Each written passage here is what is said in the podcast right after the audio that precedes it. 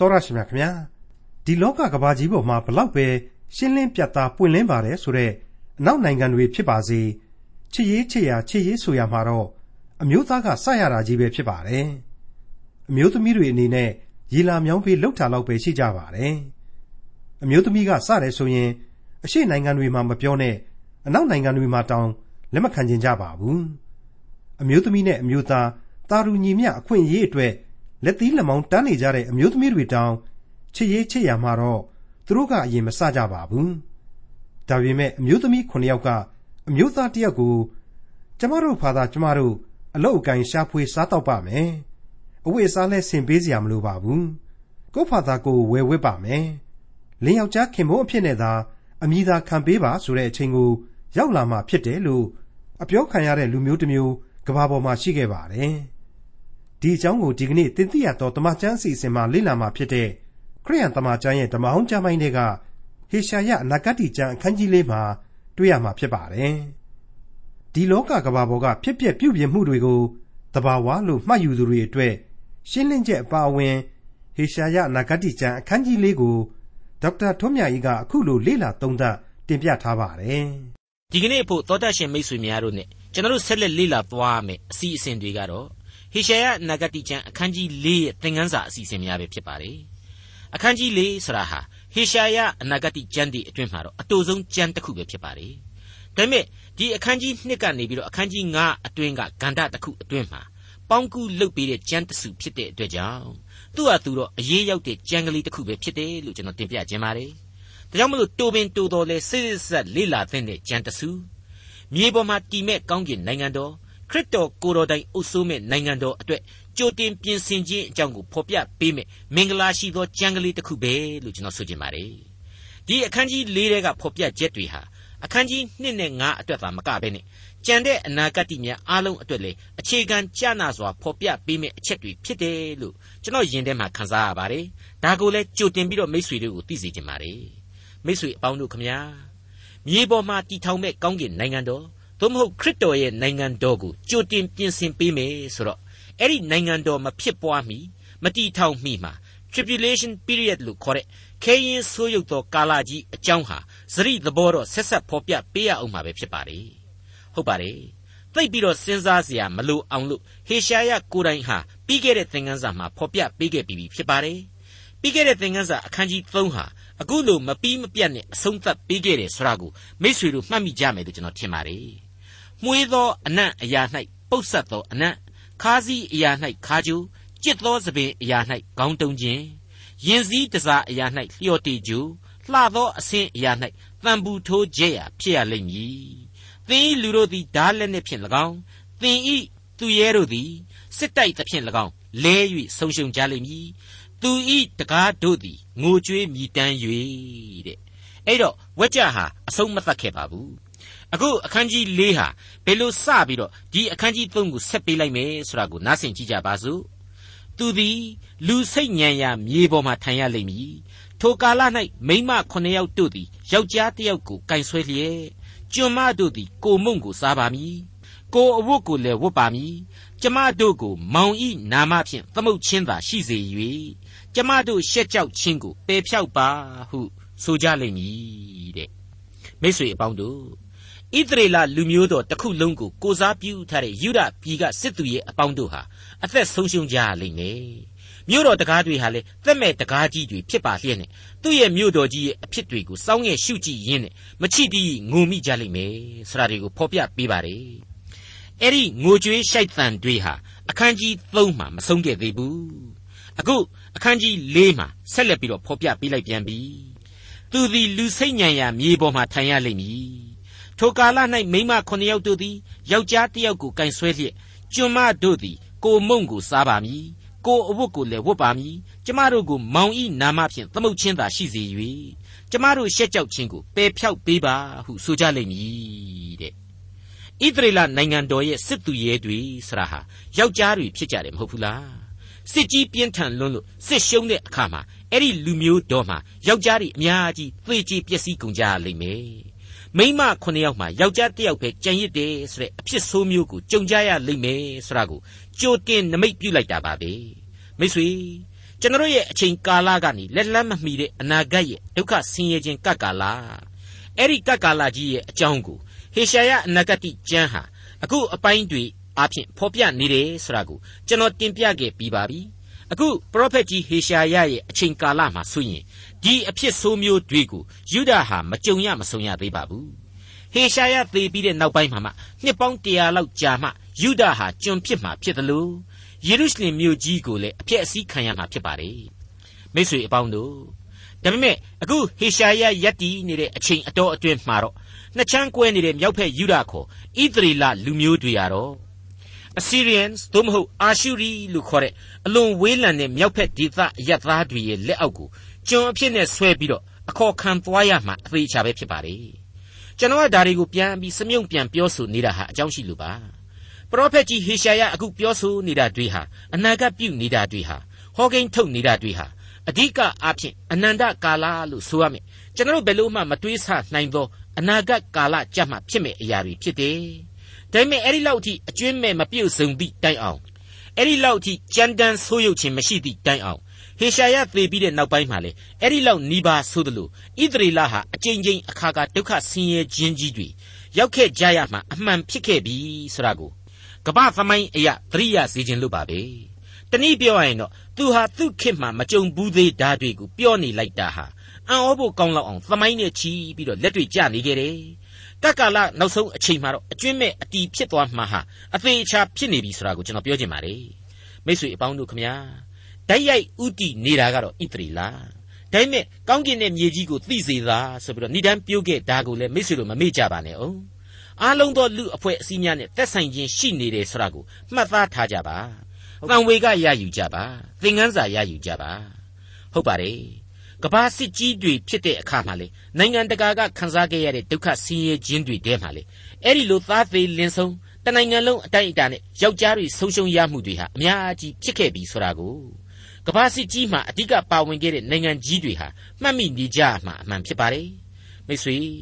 ဘုရားသခင်ရဲ့စီရင်ခြင်းဆိုတာကိုဘယ်သူကမှဥပက္ခာမပြုသင့်သလိုကိုယ့်ရဲ့ထင်ကြီးနဲ့လေဒင်းတို့လူယုံမာတွေတော့ခံရပြီ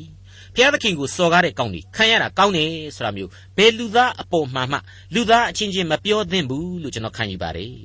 အခုချိန်မှဆိုရင်ဣသရေလတို့ရဲ့ကပ်ကာလမှာဖြစ်မဲ့ပြက်မဲ့အကြောင်းတွေဟာစံမတူအောင်အခြေအနေဆိုးလှတာကိုကြက်သိမ်းမွေးချင်းထလောက်အောင်ကျွန်တော်တို့တွေ့ရပါပြီသင်ဤလူတို့သည်ဓာလက်နှင့်ဖြင့်၎င်းသင်ဤစစ်သူရဲတို့သည်စစ်တိုက်သဖြင့်၎င်းလဲ၍ဆုံးရှုံးကြလိမ့်မည်သူဤတကားတို့သည်ငိုကြွေးမြည်တမ်း၍သူသည်လူစိတ်ညံရာမြေပေါ်မှထိုင်ရလိမ့်မည်ထိုကာလ၌မိမခုနှစ်ယောက်တို့သည်ယောက်ျားတစ်ယောက်ကိုကန်ဆွဲလျက်ကျမတို့သည်ကိုမုံကိုစားပါမည် ကိုအဝတ်ကိုလည်းဝတ်ပါမည်ကျမတို့ကိုမောင်ဤနာမဖြင့်သမုတ်ချင်းသာရှိစေ၍ကျမတို့ကိုရှက်ကြောက်ခြင်းကိုပယ်ဖြောက်ပါဟုဆိုကြလိမ့်မည်တဲ့အဲ့ဒီလိုအဲ့ဒီလိုကက္ကာလရဲ့နောက်ဆုံးသောနေ့တွေမှာဒူးနဲ့မျက်ရည်တုတ်ခဲ့ရတဲ့ဣသရေလရဲ့အဖြစ်ဆိုးကြီးတွေနောက်မှာတော့ခရစ်တော်အုပ်စိုးမဲ့ကောင်းကင်နိုင်ငံတော်အတွက်ကြိုတင်ဖော်ပြလိုက်တဲ့အနာဂတ်တွေဟာဆက်ပြီးတော့လိုက်ပါလာပါတယ်ဟေရှာယအနာဂတ်ကျမ်းအခန်းကြီး၄အငယ်၁ထိုကာလ၌ ထာဝရဘုရား၏အညွန့်သည်ဘုံအသရေပွင့်လန်းလိမ့်မည်လွတ်သောဣသရေလအမျိုးသားတို့အဖို့မြေအသီးအနှံသည်ကောင်းမြတ်လျှောက်ပတ်လိမ့်မည်ပြုတ်ပြုတ်ပြုတ်ပြုတ်နဲ့သေကုန်တာတွေဟာအများကြီးဒါပေမဲ့ကြံရစ်သူတွေရှိလိမ့်မယ်ဆိုတာတွေ့ရပါတယ်ပြီးခဲ့တဲ့အခန်းကြီး3တဲကမင်္ဂလာရှိသောသူတွေဖြောင့်မတ်သောသူတွေလို့ကျွန်တော်ဒီနေရာမှာခံယူမိပါတယ်အခန်းကြီး3ရဲ့အငယ်30မှာဖော်ပြထားတာရှိပါတယ်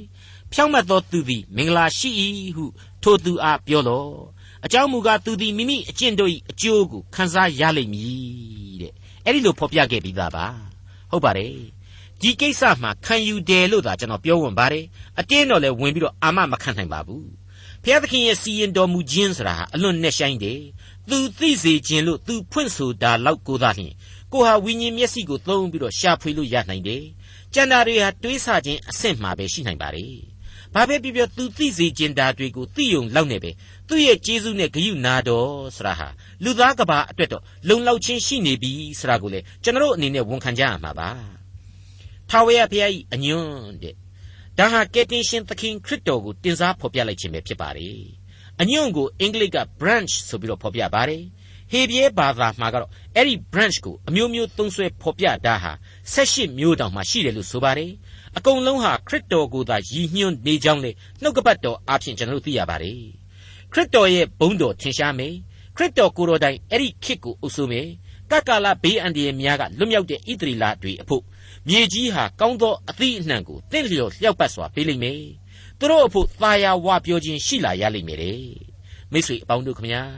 ပရောဖက်ဟေရှာယမှအစပရောဖက်တိုင်းလူလူဟာ ထိုကာလဆိုတဲ့ခရစ်တော်ဘုံပွင့်၍ကိုယ်တိုင်အုပ်ဆိုးသောအချိန်ကာလကိုရည်ညွှန်းဖော်ပြသွားကြမှာဖြစ်ပါတယ်ယောလအနာဂတ်တိကတော့ထိုကာလကိုပုံစံတစ်မျိုးနဲ့ဖော်ပြမှာဖြစ်ပါတယ်ဣသရေလလူမျိုးတော်အဖို့ကြောက်ခမန်းလိလိနေဝင်ခြင်းကြီးဟာရှိကိုရှိရလိမ့်မယ်အဲ့ဒါဟာကတ်ကာလဖြစ်တယ်ဒါပေမဲ့နေ့သစ်ဆရာဟာလေနောက်ထပ်ရှိကိုရှိရမယ်ဆရာကိုတော့အခု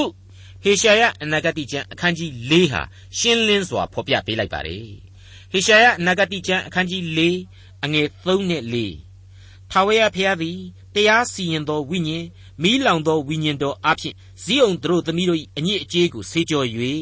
ယေရုရှလင်မြို့၏အသွေးကိုမြို့ထဲကပယ်ရှားတော်မူပြီးလျှင်ဇီးအောင်တောင်မှကြံကျွင်း၍ယေရုရှလင်မြို့၌နေရသောသူဒီဟုသော အသက်စရင်ဝင်သမျှသောယေရုရှလင်မြို့သားတို့သည်တန်ရှင်းခြင်းရှိကြလိမ့်မည်ဇီးအောင်တောင်မှကြံကျွင်း၍ယေရုရှလင်မြို့၌နေရသောသူ အသက်စရင်ဝင်သောယေရုရှလင်မြို့သားတဲ့ကျွန်တော်ယင်ထဲမှာရှိတဲ့အတိုင်းပြောရရင်အဲ့ဒါဟာဣသရေလတစ်မျိုးတည်းမဟုတ်တော့ဘူးကောင်းကင်နိုင်ငံတော်နဲ့ထိုက်တန်တဲ့လူတွေအားလုံးကိုခြုံငုံဖော်ပြခြင်းဖြစ်ပါတယ်ဟုတ်ပါတယ်အသက်စရင်ဝင်သူများဆရာဟာဘုရားသခင်ပေးထားတဲ့သာဝရအသက်အတွက်စရင်ဝင်သူအားလုံးပဲဖြစ်ပါတယ်ဂျူးဣသရေလရဲ့တပားအမျိုးသားရဲ့ခွဲခြားခြင်းမရှိနိုင်ပါဘူး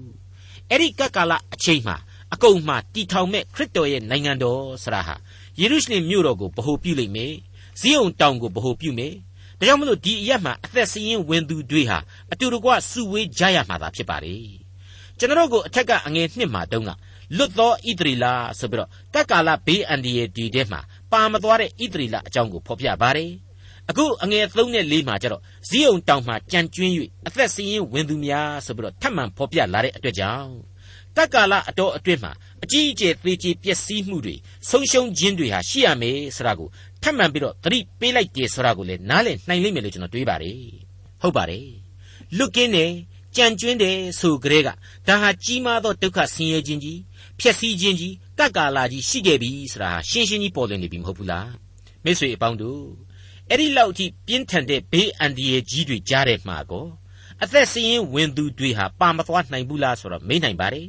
ပါနိုင်ပါတယ် ဒါပေမဲ့ဒီလူတွေအတွက်ထာဝရအသက်အာမခံချက်ဟာရှိပြီးသား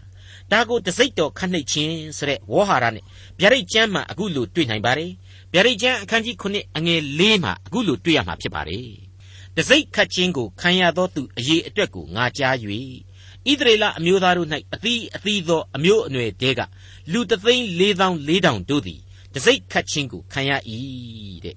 တခါပြီးတဲ့နောက်ဣသရေလမဟုတ်တဲ့တပါးအမျိုးသားတွေဟာလေအဲ့ဒီအတိုင်းပဲကဲတင်ခြင်းအတွက်အာမခံချက်ရှိနေပြီဆိုတာကိုဒီဗျာဒိတ်ကျမ်းမှာပဲအငယ်6ကနေ7အတွင်းမှာဆက်လက်ဖော်ပြပေးလိုက်ပါတယ်ထို့နောက်မှငါကြည့်လျင်အသီးအသီးဘာသာစကားကိုပြောသောလူအမျိုးအနွယ်ခတ်သိန်းတို့အထက်မှထွက်၍အဘယ်သူမျှမရေတွက်နိုင်သော လူများအပေါင်းတို့သည် ဖြူသောဝတ်လုံကိုဝတ်ဆင်လျက်စွန်ပလွန်ခက်ကိုကင်လျက်ပလင်တော်ရှိသိုးတငယ်ရှိမှရပ်နေကြ၏ သူတို့ကလည်းပလင်ပေါ်မှာထိုင်တော်မူသောငါတို့၏ဖျားသခင်နှင့်သိုးတငယ်သည်ကဲတင်တော်မူခြင်းချမ်းသာရှိတော်မူစေတည်းဟုကြီးသောအသံနှင့်ကြွေးကြော်ကြ၏ပလင်တော်မှစသောအသက်ကြီးသူတို့နှင့်တတ္တဝါလေးပါးတို့၏ပတ်ဝန်းကျင်၌ရပ်နေသောကောင်းကင်တမန်အပေါင်းတို့သည်ပလင်တော်ရှိမှပြတ်ဝတ်၍ဖျားသခင်ကိုကိုးကွယ်လျက်အာမင်ငါတို့၏ဖျားသခင်သည်ကဘာအဆက်ဆက်ကောင်းကြီးမင်္ဂလာဘုံပညာနှင့်တကွကျေးဇူးချီးမွမ်းခြင်း ဂုံအသရေတကိုးတတ္တိရှိတော်မူစေတည်းအာမင်ဟုပြောဆိုကြ၏မိတ်ဆွေတော်တတ်ရှင်အပေါင်းတို့ခမညာကယ်တင်ရှင်သခင်ခရစ်တော်ကိုတော်တိုင်ဟာလေအဲ့ဒီလိုကပ်ကာလကုံဆုံးခြင်းအတွက်အခုလိုကြိုတင်ဗျာဒိတ်ပြုခဲ့ပါသေးတယ်ရှင်မသက်ခရစ်ဝင်ကျမ်းအခန်းကြီး24အငယ်9မှ14အတွင်းမှာကြည့်ကြပါလူတစ်မျိုးနှင့်တစ်မျိုးတနိုင်ငံနှင့်တနိုင်ငံရံပက်ပြုကြလိမ့်မည်အရရက်တို့၌အစာခေါင်းပါခြင်းကာလနာများပြားခြင်း မြေကြီးလှုပ်ခြင်းတို့သည်ဖြစ်ကြလိမ့်မည်ထိုအမှုအရာတို့သည်ဒုက္ခဆင်းရဲခြင်း၏အစအဦးဖြစ်သည်ထိုကာလ၌လူများတို့သည်သင်တို့ကိုညှင်းဆဲခြင်းအသေးသက်ခြင်းကိုခံစေခြင်းဟာအနှံကြလိမ့်မည်ငါဤနာမကြောင့်လည်းခတ်သိမ်းသောလူမျိုးတို့သည်သင်တို့ကိုမုန်းကြလိမ့်မည်ထိုကာလ၌အများသောသူတို့သည်ဖောက်ပြန်ခြင်းသို့ရောက်၍အချင်းချင်းတယောက်ကိုတယောက်အကြလိမ့်မည်အချင်းချင်းမုန်းကြလိမ့်မည် မိစ္ဆာပရောဖက်အများတို့သည်ပေါ်လာ၍လူအများတို့ကိုလှည့်ပြားကြလိမ့်မည်မတရားသောအမှုတို့သည်များပြားသဖြင့်အများသောသူတို့၏ချစ်ချင်းမေတ္တာသည်ခေါင်းပါလိမ့်မည်အကျဉ်သူသည်အဆုံးတိုင်အောင်တည်ကြည်၏ထိုသူသည်ကဲတင်ခြင်းသို့ရောက်လိမ့်မည်တဲ့မိတ်ဆွေတို့တတ်ရှင်အပေါင်းတို့လက်လန်းမမီနိုင်တဲ့အနာဂတ်တွေဗျာဒိတ်တော်တွေအနေနဲ့ပတ်သက်ပြီးတော့ဓမ္မပညာရှင်တွေရဲ့ကြားမှာအမြင်မတူညီမှုပေါင်းမြောက်များစွာရှိနေပါတယ် အတွေ့အခေါ်အယူဆဆိုတာဟာဒီလိုပဲကွဲပြားခြားနားစမြဲပါပဲဒါပေမဲ့ယုံကြည်ခြင်းတရားကိုလက်ကင်ထားကယ်တင်ရှင်သခင်ခရစ်တော်ပေးတဲ့ကယ်တင်ခြင်းကျေးဇူးကိုလက်ခံအဲ့ဒီလူတယောက်ဟာကယ်တင်ရှင်ကျေးဇူးတော်ကိုမလွဲဧကန်ခံစားရမယ်ဆိုတာကိုတော့ဘယ်ဓမ္မပညာရှင်ကမှမညှင်းနိုင်သလိုအကျဉ်သူသည်အဆုံးတိုင်အောင်တည်ကြည်၏ထိုသူသည်ကယ်တင်ခြင်းသို့ရောက်လိမ့်မည်ဆိုတာကိုလေအကျွင့်မဲ့သဘောတူလက်ခံပြီးသားဖြစ်ပါတယ်ဟုတ်ပါတယ် ဒါဟာခရစ်တော်ကိုယ်တော်တိုင်ရဲ့ကြင်ညာချက်ကြီးအသက်စီရင်ဝင်သူတို့ဟာအဲ့ဒီလိုနိုင်ငံတော်ကိုဝင်ဖို့နိုင်ငံတော်မှဆက်လက်ပြီးတော့ကျေးဇူးတော်များကိုခံစားရဖို့အတွက်တန်ရှင်းခြင်းရှိရလိမ့်မယ်ဆိုတာကိုဟေရှာယဖော်ပြပေးလိုက်ပါတယ်မှန်ပါတယ်ဇာခရိအနာဂတိကျမ်းရောက်လို့ရှိရင်လေပရောဖက်ကြီးဇာခရိဟာဒီအတိုင်းပဲဆက်လက်ဖော်ပြပေးသွားအောင်မှာပါအဲ့ဒီဇာခရိအနာဂတိကျမ်းအခန်းကြီး73အစမှာအခုလိုဖော်ပြထားပါတယ်ထိုကာလ၌ ဒါဝိဒ်မင်းမျိုးနှင့်ယေရုရှလင်မြို့သားတို့၏ဒုစရိုက်အညစ်အကြေးကိုဆေးเสียဖို့စမ်းရည်တွင်းသည်ပွင့်လျက်ရှိလိမ့်မည်တဲ့မိတ်ဆွေအပေါင်းတို့ခမညာနှစ်စဉ်နှစ်တိုင်းလာမယ့်နှစ်မှာတော့ငါဖြင့်ဘာတွေကောင်းအောင်လုပ်တော့မယ်ဘယ်လိုအဋိဌံချပြီးတော့ဘာကောင်းမှုတွေဆက်လုပ်တော့မယ်ဆိုပြီးတော့လူသားတို့ဟာနှစ်သက်ကူအချိန်ရောက်ပြီဆိုရင်နှစ်သက်ကူအဋိဌံကြီးတွေချရတတ်ကြပါလေအမှန်ကတော့သိကောင်းပါလေဒါပေမဲ့နှစ်တည်သွားပြောင်းပြောင်းသွားပြီးတော့ကိုသာလျင်သေသွားရတယ် ကိုဘာသာကိုတန်ရှင်းတယ်ဆိုတဲ့လူသားဟာဘယ်တော့မှဘုရားသခင်မပါဝင်ဘဲနဲ့တန်ရှင်းခြင်းအဆင့်ကိုဒင်းပြည့်ကြက်ပြည့်မရောက်နိုင်ပါဘူးအားနေချက်လိုအပ်ချက်ဆိုတာအစဉ်စိုက်ရှိပါတယ်ဘုရားသခင်ကိုကိုးစားကြရပါတယ်နှုတ်ကပတ်တော်ရည်စင်နဲ့ကိုယ့်ကိုယ်ကိုဆေးကြောပေးရပါတယ်ဆုတောင်းအသနာခံမှုပြုရပါတယ်ကျေးဇူးနဲ့ဂရုနာတော်ကိုနှလုံးသားတကားကိုဖွင့်ပြီးတော့လက်ခံနိုင်မှသာတော်ယုံကြသောလူသားတို့၏ဘဝလို့ကျွန်တော်ဆိုချင်ပါတယ်မိတ်ဆွေ အသက်တာဆိုတာဟာကောင်းကင်အမွေအတွက်ပြင်ဆင်ရသောနေ့ရက်ကာလပဲလို့ကျွန်တော်ခံယူပါတယ်မှန်ပါတယ်အဲ့ဒီလိုသာပြင်ဆင်ခြင်းမရှိဘူးဆိုရင်တော့ဒေသနာကျမ်းကဖော်ပြလိုက်တဲ့အတိုင်းအနတ္တနဲ့သင်္ခါရအတိုင်းတဲ့ဘာမှထူးမှမဟုတ်ပါဘူးရိုးပြမြေခကြွေရသောလူသားတို့ရဲ့ဘဝအသက်တာသာလျှင်ဖြစ်ပါတယ်ဘုရားသခင်ပြင်ဆင်ပေးထားတဲ့အဲ့ဒီထာဝရစည်းစိမ်တည်ရှိရာအရက်ကိုထိုက်ထိုက်တန်တန်ဝင်ရောက်နိုင်ကြဖို့အတွက်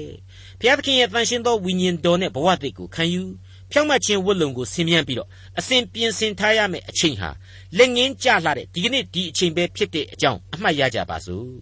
ဟေရှာယအနာဂတိကျမ်းအခန်းကြီး၄အငယ်9နဲ့6ထာဝရဘုရားသည်လည်းဇီးအောင်တောင်မှရှိသမျှသောအိမ်များနှင့်စီးဝေးရာပရိသတ်များအပေါ်တွင်နေ့အချိန်၌မိုးတိမ်နှင့်မိကိုကို၎င်းညအချိန်၌မိလျံအလင်းကို၎င်းဖန်ဆင်းတော်မူမည် မြတ်သောအရာအလုံးစုံတို့ကိုလွှမ်းမိုးတော်မူမည်နေ့အချိန်၌လည်းနေပူကိုကွဲကာသောတဲမိုးသက်မုန်တိုင်းရောက်မှ လုံခြုံသောခိုးလှုံရာဖြစ်လိုက်မည်ကဲအတိတ်ကာလတုန်းကကျွန်တော်တို့ဖတ်ရှုလေ့လာခဲ့ကြပြီးတဲ့ကပ်ကာလရဲ့ဘေးဒုက္ခတွေဟာအကုန်လုံးကွယ်ပြောက်သွားပြီခရစ်တော်ရဲ့နိုင်ငံတော်မှာဘာဆိုဘာမှလိုလေသေးမရှိပြည့်စုံလိမ့်မယ်ရှေးပြည့်ညတ်တော်ကာလတုန်းကဆိုရင် ဘုရားသခင်ရဲ့ဘုံတကူတော်ဆရာဟာတန့်ရှင်းရတဲတော်တို့ဗိမာန်တော်ကြီးတို့အပေါ်မှာသာတည်ခဲ့တယ်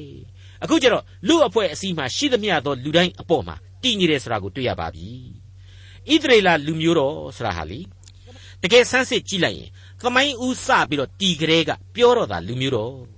တခါမှငြိမ်းချမ်းရေးတာရှည်တယ်ဆိုတာမရှိဘူးဘာဖြစ်လဲဆိုတော့လူမျိုးတော်ဆိုတဲ့ဘုရားသခင်ဘုန်းတော်ကိုခံယူရမှာ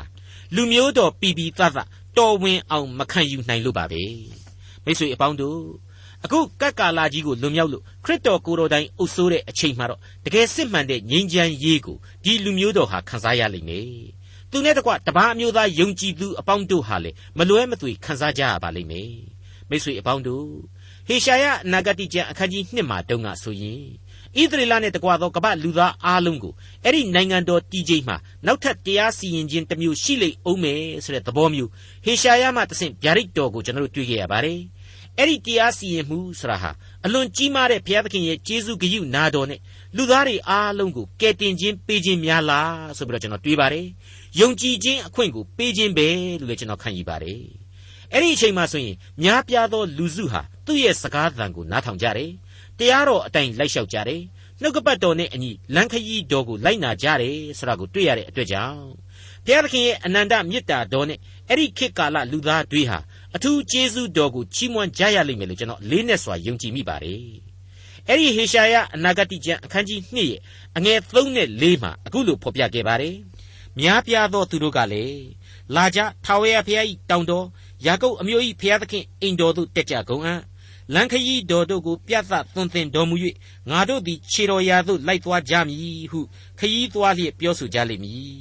တရားတော်သည်ဇီးုံတောင်မှ၎င်းထာဝရဘုရား၏နှုတ်ကပတ်တော်သည်ယေရုရှလင်မြို့မှ၎င်းပေါ်ထွက်လိမ့်မည်ထာဝရဘုရားသည်လူမျိုးတို့တွင်တရားစီရင်၍များပြားသောလူတို့ကိုဆုံးမတော်မူသဖြင့်သူတို့ဓာလက်နှင့်များကိုထွန်သွားဖြစ်စေခြင်းဟာ၎င်းလှန်တံများကိုဒဇင်ဖြစ်စေခြင်းဟာ၎င်းထုလုပ်ကြလိမ့်မည်တပြီကိုတပြီစစ်မတိုက် စစ်အတက်ကိုလည်းနောက်တဖန်မတင်ရကြတဲ့ဟုတ်ပါတယ်မိတ်ဆွေအကျွင့်မဲ့ငြိမ်းချမ်းသောအချိန်ကာလအဖက်ဖက်ကပြေဝစုံလင်ခြင်းရှိသောကာလထူးခြားသောကျေးဇူးဂရုနာတော်ခံစားရကာလလို့ကျွန်တော်လေးစားစွာတင်ပြခြင်းပါတယ်ဒါဟာမဖြစ်နိုင်စရာအကြောင်းဘာမှမရှိပါဘူးတကိုးတော်သည်အနန္တဖြစ်သည်ဆိုတဲ့ဘုရားသခင်စီမှာမဖြစ်နိုင်တာဘာစုဘာမှမရှိနိုင်ပါဘူး တစ်ချိန်တည်းမှာပဲအလေးနဲ့သတိပြုရမှာကတော့မပြတ်နိုင်ဘူးဆိုတာဟာလေဘာမှမရှိဘူးဆိုတာပါပဲဟုတ်ပါတယ်မဖြစ်နိုင်တာဘာမှမရှိသလိုမပြတ်နိုင်တာဟာလည်းဘာမှမရှိဘူးဆိုတာဟာအသေးချာဖြစ်ပါတယ်ဖြစ်ပြက်ပြုပြင်ခြင်းဆိုတာဟာသဘာဝလို့ထင်သူတွေအတွက်ကတော့သူတို့ထင်မြင်နေကြတဲ့သဘာဝတရားကြီးဟာသူတို့ထင်ကြတဲ့သဘာဝတရားကြီးဟာမိမိဘဝဏီကုံအချိန်မှာမြေကြီးပြန်ပြီးဖြစ်ဖို့ပုတ်သိုးဆွေးမြေ့သွားဖို့ကလွဲပြီးတော့ဘာဆိုဘာမှမရှိနိုင်တော့ဘူး သူ့ဖာသာသူသဘာဝကပြုပြင်လို့ဘာကြီးတွေဖြစ်နေနေလဲသိတော့မှမဟုတ်တဲ့အတွက်ကြောင့်တန်ဖိုးလဲဘာမှထားနေစရာအကြောင်းမရှိနိုင်တော့ပါဘူးအဲ့ဒီဖြစ်ပျက်ပြုပြင်ခြင်းတို့သည်ဘုရားသခင်အားဖြင့်သာတည်နေသည်ဆိုတာကိုယုံကြည်တဲ့လူကယ်တင်ရှင်သခင်ခရစ်တော်အားဖြင့်ဘုရားသခင်ကိုကိုးကွယ်သူ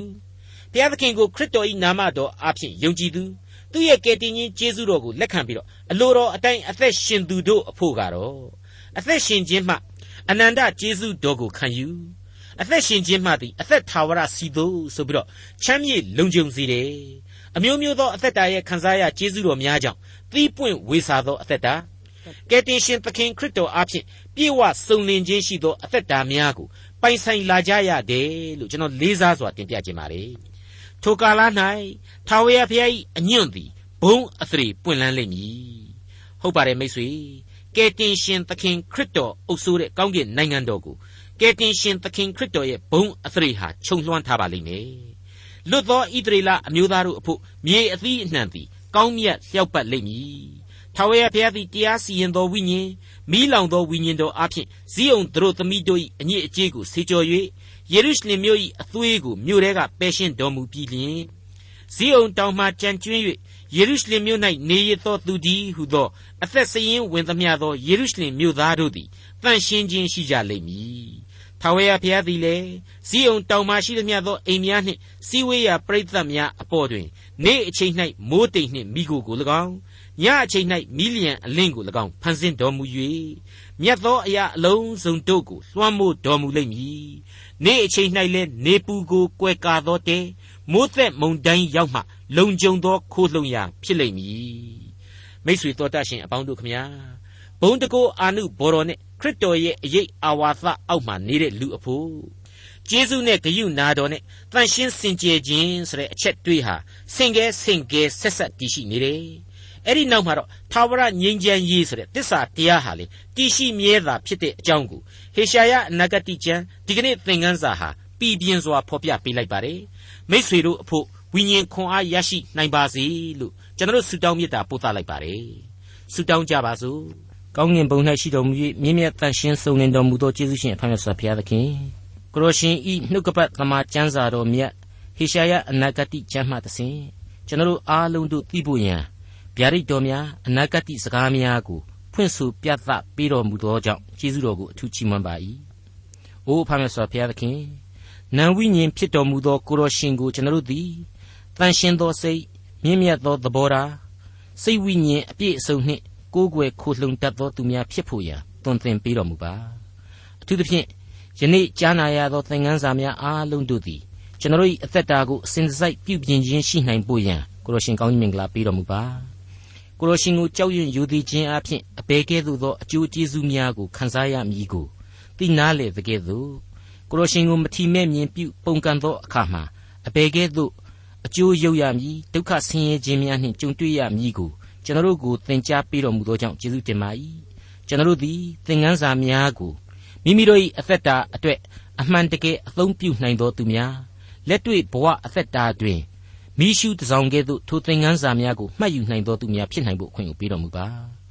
လက်တွေ့အားဖြင့်ရှင်သန်ရသောအသက်တာတွင် ကိုရရှင်ဤဥဆောင်မှုကိုအစဉ်အမြဲခံယူ၍ကိုရရှင်ပေးသနာတော်မူသောကျေးဇူးနှင့်ဂရုဏာတော်အကြောင်းကိုလည်းကိုရရှင်ကိုမသိသေးသောသူများကိုအပြည့်အဝဝေမျှနိုင်သောမေတ္တာစိတ်ဓာတ်များကိုလည်းပွားများဖို့အခွင့်ကိုပေးတော်မူပါ။အိုဖန်ဆာဖျားသခင်တင်သိရသောတမန်ကျန်အဖွဲ့တစ်ခုလုံးအပေါ်မှာကိုရရှင်ကောင်းကြီးမင်္ဂလာပေးတော်မူပါ။လုံလောက်သောကာယခွန်အားဝိညာဉ်ခွန်အားအသီးသီးနှင့်ပတ်ရပေးသနာတော်မူပါ။ထို့အတူကျွန်တော်တို့သင်ခန်းစာများကိုနာတော်တာဆင်လျက်ရှိသော မိษွေတော်တတ်ရှင်များလူတဦးချင်းအပေါ်မှာတော်၎င်းသူတို့၏မိသားစုများအသီးသီးတို့အပေါ်မှာတော်၎င်းကောင်းကြီးမင်္ဂလာများနှင့်ရစ်ပတ်တော်မူပါအထူးသဖြင့်ကိုရရှင်ဖော်ပြပေးသောခက်ခဲနှက်ဆိုင်သည့်ဟေရှာယအနာဂတ်သင်ခန်းစာများတို့ကိုကျွန်တော်၏ရှင်းလင်းဖော်ပြခြင်းအပြင်ပိုး၍နားလေသဘောပေါက်နိုင်ဖို့အခွင့်ထို့ရမကကိုရရှင်၏အသက်လန်းခရီးအပေါ်မှာတည်မိနိုင်သောအခွင့်ကိုရရှင်သိစေလိုသောအသက်လန်း၏သဘောတရားများကိုအမှန်အတိုင်းနားလည်နိုင်ဖို့အခွင့်များကို ကိုရရှင်ပေးသနာတော်မူပါကျွန်တော်၏အားနေခြင်းအပြစ်လုံးစုံတို့ကိုကိုရရှင်ဖြစ်လို့ဖြစ်ရှင်းတော်မူပါမည်အကြောင်းသားတော်ရှင်သခင်ခရစ်တော်၏မဟာနာမတော်ကိုအမိပြု၍အလွန်ယိုသည်လေးမြတ်ခြင်းဖြင့်ဆုတောင်းကြပါသည်ဖဖျားအာမင်ဒေါက်တာထွန်းမြတ်၏စီစဉ်တင်ဆက်တဲ့တင်ပြတော်တမချန်းအစီအစဉ်ဖြစ်ပါတယ်နောက်တစ်ချိန်အစီအစဉ်မှာခရိယန်တမချန်းရဲ့ဓမ္မဟောင်းကျမ်းပိုင်းတွေကဟေရှာယနဂတိကျမ်းအခန်းကြီး9အခန်းငယ်1ကနေ အခန်းငယ်14အထိကိုလေ့လာမှာဖြစ်တဲ့အတွက်စောင့်မျှော်နားဆင်နိုင်ပါတယ်။